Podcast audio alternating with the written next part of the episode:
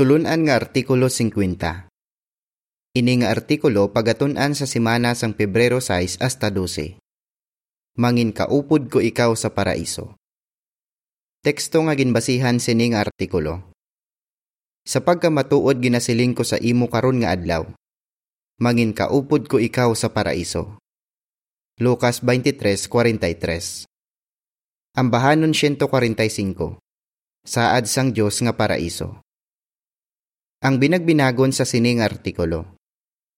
Permi mo bala ginahuna-huna ang kabuhi sa paraiso? Makapaligon gid kun himuon naton ini. Kun permi naton ginahuna-huna ang himuon ni Jehova para sa aton sa palaabuton, mas mangin excited kita nga tudluan ng iban parte sa bag-ong kalibutan. Buligan kita sining artikulo nga pabakuro ng aton pagtuo sa promesa ni Jesus parte sa paraiso sa palaabuton. Para po uno, pamangkot. Antes mapatay si Jesus, ano ang ginsiling niya sa kriminal sa tupad niya? Grabe gid ang pagantos ni Jesus kag sang duha ka kriminal sa tupad niya. Kag nabatyagan nila nga lapit na lang sila mapatay. Hindi mga disipulo ni Jesus ining duha ka kriminal kay ginayaguta nila siya. Pero nagbag-o ang isa sa ila. Nagsiling siya. Jesus, Dumduma ako kung magsulod ka sa imo ginharian. Nagsabat si Jesus. Sa pagkamatuod ginasiling ko sa imo karon nga adlaw, mangin kaupod ko ikaw sa paraiso. Ang Lucas 23:39 hasta 43 nagasiling. Ginpasipalahan man siya sang isa sa mga kriminal nga yara sa usok. Hindi bala ikaw ang Kristo? Luwasa ang imo kaugalingon kag kamiman apang ginsabdong siya sang isa pa ka kriminal. Wala kagid bala mahadlok sa Dios karon nga ginasilutan ka man? Nagakaigo lang nga silutan kita bangod sang ginhimo naton. Apang ini nga tawo, wala sing nahimo nga malain. Dayo nagsiling siya. Jesus, dumduma ako kung magsulod ka sa imo ginharian. Nagsiling si Jesus sa iya. Sa pagkamatuod ginasiling ko sa imo karon nga adlaw, mangin kaupod ko ikaw sa paraiso. Posible nga nabatian sini nga kriminal ang parte sa ginharian sang langit nga ginbantala ni Jesus. Pero wala siya nangin disipulo ni Jesus. Kag wala man nagsiling sa Jesus nga makasulod ini nga tawo sa ginharian. Mateo 4:17.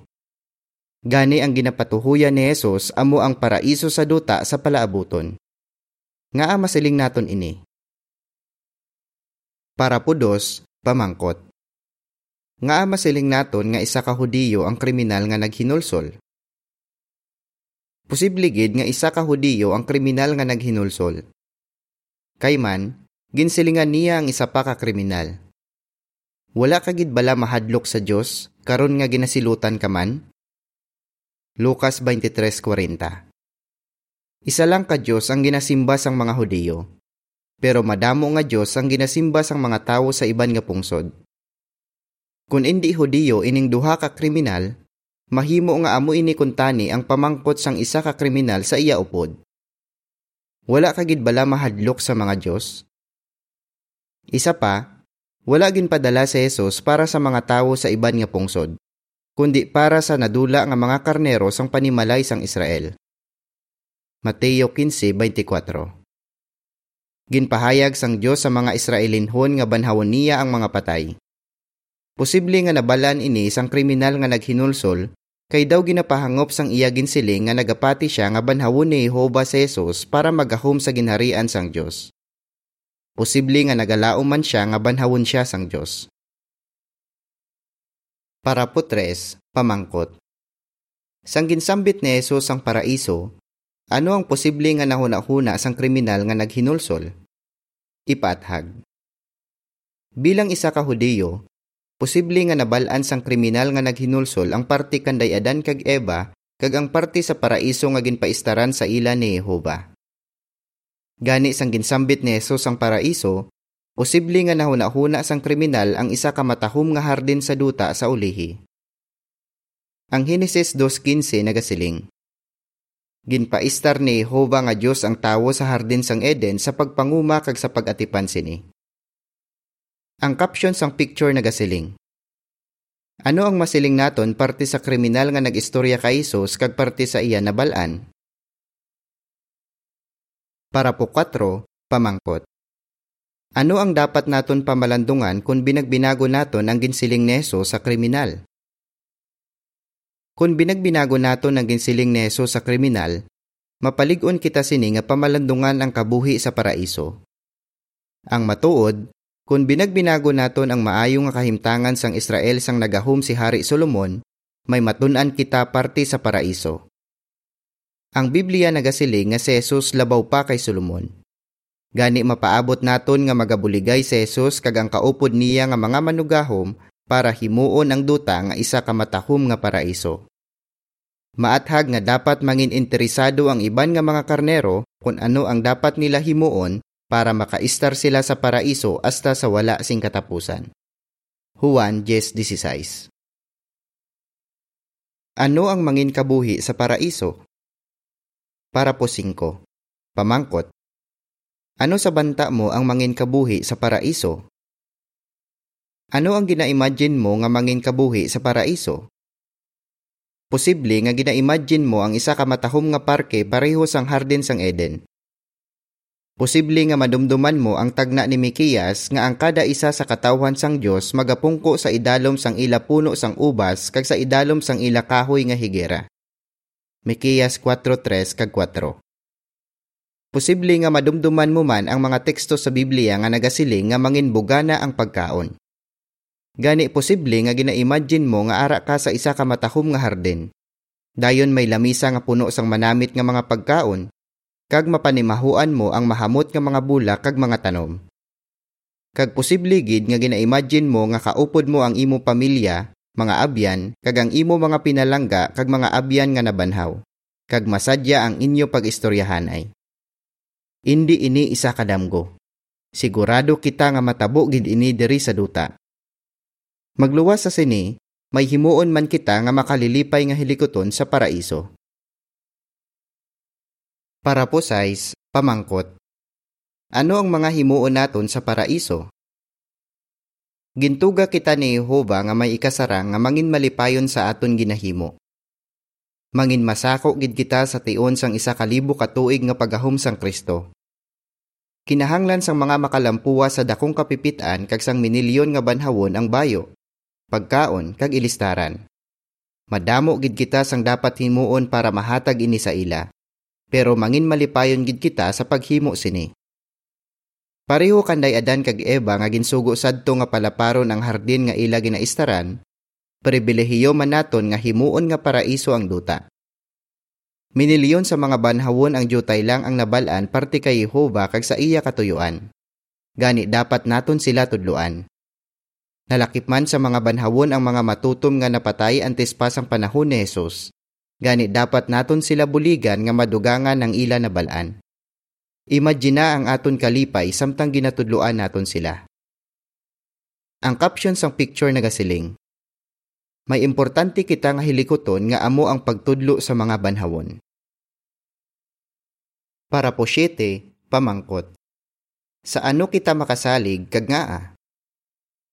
Makasalig kita nga sa paraiso, mangin malinong ang aton kabuhi, kumpleto ang aton mga kinahanglanon, kag mangin organisado ang tanan. Nga masaling naton ini. Bangod na pakita na sa aton ni Jehova ang mangin kahimtangan kun magahom na ang iya anak. Pero sampo lang ini. Makita naton ini sang nagahom si Hari Solomon. May matunan kita parte sa paraiso sang nagahom si Hari Solomon. Para po 8. Pamangkot. Paano natuman sang una ang ginsiling ni Hari David sa Salmo 37, 10, 11 kag 29? Gintoy-tuyan si Hari David sa pagsulat parte sa mangin kahimtangan kung magahum na ang isa ka maalam kag matutom nga hari. Ang Salmo 37, 10 kag 11 nagasiling. Sa indi na lang madugay, madula na ang mga malauton. Pangitaon mo sila sa ilan hamtangan, kag wala na sila didto apang ang mga mahagop magapanubli sang duta, kag mangin malipayon gid sila sa bugana nga paghidait. Ang bersikulo 29 nagasiling, Ang mga matarong magapanubli sang duta, kag magapuyo sila sa sini sa wala sing katubtuban. Kung ginaistorya naton sa iban ang parte sa paraiso sa palaabuton, masami nga ginabasa naton sa ila ang Salmo 37:11. Husto gid nga ginabasa naton ini bangod ginkutlo ini neso sa iya sermon sa bukid nga nagapahangop nga matuman ini sa palaabuton. Pero ginapakita man sang ginsiling ni David kung ano ang mangin kahimtangan sa panahon ni Hari Solomon. Sang nagahom si Solomon sa Israel, na eksperyensyahan sang katawan sang Dios ang pinasahi nga paghidait kag kabuganaan sa duta, diin nagailig ang gatas kag dugos. Nagsiling ang Dios. Kung padayon ninyo nga tumano ng akon mga pagsulundan, paluntaron ko ang paghidait sa sini nga duta, kag magahigda kamo nga wala sing nagapahadlok sa inyo. Levitico 20:24 kag 26:3 kag 6. Natuman ini nga mga promesa sang nagahum si Solomon. Kag nagpromesa sa Jehova nga madula na ang malain nga mga tawo. Salmo 37:10. Gani natuman sang una ang ginasiling sang Salmo 37:10, 11 kag 29 kag matuman pagid ini sa palaabuton. Para punoy be, pamangkot. Ano ang ginsiling sang rayna sang Sheba parte sa pagahom ni Hari Solomon? Nabatian sang rayna sang Sheba ang parte sa paghidait kag kabuganaan sang Israel sang nagahom si Solomon. Gani naglakbay siya sing malayo pakadto sa Jerusalem para makita niya ini mismo. Sang makita niya ang ginharian ni Solomon, nagsiling siya. Wala pagali sa katunga ang nasugid sa akon. Malipayo ng imo mga tinawo, kag malipayo ng imo mga alagad nga nagaalagad permi sa imo kag nagapamati sa imo kaalam. Unang hari, Jis, 6 hasta 8. Pero ang kahimtangan sang nagahom si Solomon, sampo lang sang himuon ni Jehova para sa mga tawo paagi sa iya anak nga si Jesus. Para po Jis, pamangkot. Nga alabaw gid si Jesus kay Solomon. Labaw gid si Jesus kay Solomon. Hindi perpekto si Solomon kag nakahimo siya sang seryoso nga mga sala nga nagresulta sa mga problema sa katawhan sang Dios. Sa bahin naman ni Jesus, perpekto siya nga manugahom nga wala gid sang sala. Nangin matutom si Jesus sa Dios bisan pa sang mabudlay gid nga mga pagtilaw ni Satanas. Ginpamatud-an sang Kristo nga indi gid siya maghimo sang sala ukon sang bisan ano nga posible makahalit sa iya matutom nga mga sakop isagid kakadungganan nga siya ang aton hari. Para po onse, pamangkot. Sino ang magabulig kay sa iya pagahom? May magabulig kay Iso sa pagatipan sa mga tawo kag sa pagtuman sang katuyuan ni Jehova sa duta. Sila amo ang 144,000 nga kaupod niya nga mga manugahom. Naka-eksperyensya sila sang madamo nga mga pagtilaw kag mga problema sang ari sila sa duta. Gani mahangpa nila ang sitwasyon sang mga tawo. Pero, ano gid ang himuon sining mga kaupod nesos nga mga manugahom? Ano ang himuon sang mga hinaplas? Para po 12, pamangkot. Ano ang ipahimo ni Jehova sa 144,000? Mas madamo ang himuon ni Jesus kag sang iya kaupod nga mga manugahom sang sa ginhimo ni Solomon. Minilyon katawo sa isa lang kapungsod ang dapat atipanon ni Hari Solomon. Pero binilyon katawo sa bilog nga kalibutan ang dapat atipanon sang mga nagagahom sa ginharian sang Dios. Isagid kadalayawon nga pribilehiyo ang ginhatag ni Jehova sa 144,000. Para po 13, pamangkot. Ano ang pinasahi nga responsibilidad sang kaupod ni Jesus nga mga manugahom? Pariho kay Jesus, Mag-aalagad man ang 144,000 bilang mga hari kag mga saserdote. Sang ginapatuman sadto sa mga Israelinhon ang mosaikong kasuguan, responsibilidad sa mga saserdote nga siguraduhon nga mangin maayo ang panglawas sang katawhan kag mangin suod sila kay Jehova. Ang kasuguan, landong lamang sang maayong mga buta nga magaabot. Gani makasiling kita nga may pinasahi man nga responsibilidad ang kaupod ni Jesus nga mga manugahom.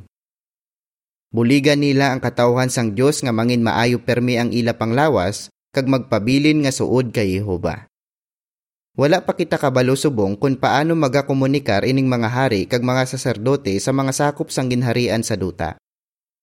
Ano man ang himuon ni Jehova nga paagi, makasalig kita nga mabaton gid sang mga magaistar sa paraiso sa palaabuton ang paggiya nga kinahanglan nila. Ano ang dapat himuon sang iban nga mga karnero para makaistar sila sa paraiso? Para po 14, pamangkot. Paano nahiusa ang iban nga mga karnero kag ang jutay nga panong? Gintawag ni Jesus nga jutay nga panong ang kaupod niya nga mga manugahom.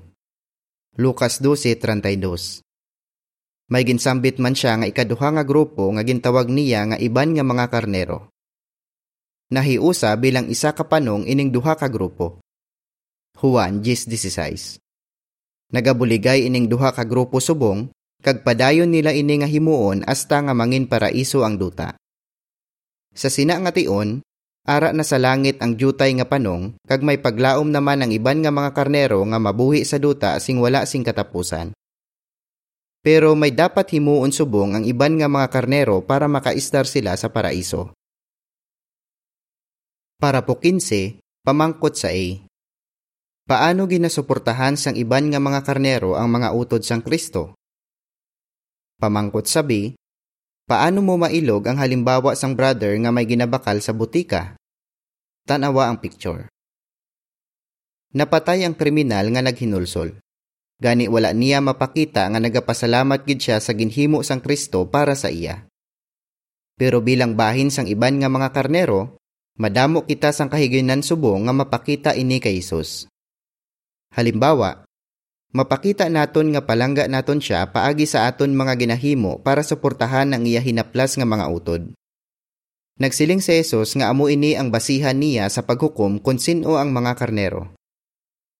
Masuportahan naton ang mga utod sang Kristo paagi sa mapisan nga pagbulig sa ila sa pagbantala kag pagtudlo sa mga tawo. Gani dapat naton gamiton ang mga gamit sa pag-Bible study nga ginahatag nila sa aton. Pareho sang libro nga magkabuhi sing wala katapusan. Kung wala ka sing Bible study subong, panikasugi nga makaumpisa sing Bible study sa mga tawo nga maistorya mo. Ari ang paathag sa picture nga gingamit para sa parapo 15. Gusto sang isa ka brother nga tudluan sa ulihi ang mga banhawon. Gani ginahimo niya subong ang pagtudlo sa iban. Ang caption sini nga picture nagasiling bisan subong pa lang, mapakita na naton nga ginahandaan naton ang kabuhi sa paraiso. Para po 16, pamangkot. Ano ang himuon naton subong para mahandaan ang kabuhi sa paraiso? May mga kinaiya nga gusto ni Jehova nga makita sa mga tawo sa paraiso. Pero hindi naton paghuna-hunaon nga hulaton na lang naton ang paraiso antes naton ipakita ini nga mga kinaiya. Subong pa lang, Ipakita na naton ang pagpugong sa kaugalingon kag mangin honest kita sa aton mga ginahambal kag ginahimo. Kag ipakita naton nga matutom kita kay Jehova sa aton asawa o kunbana kag sa aton mga kauturan. Kung ginatuman naton si Jehova samtang ari pa kita sa sining malain nga kalibutan, mangin mahapos na lang para sa aton nga tumanon siya sa paraiso. Panikasugan man naton nga ipakita ang iban pa nga mga kinaiya kag magtuon kita sang mga ikasara nga magamit naton sa bag-ong kalibutan. Para po 17. Pamangkot. Dapat bala kita maluyahan sang buot bangod sa nahimo naton nga seryoso nga mga sala sang una? Ipathag. Kung ginakonsensya kita gihapon bangod nakahimo kita sang seryoso nga mga sala sang una, panikasugan man naton nga dulaon ini nga balatyagon.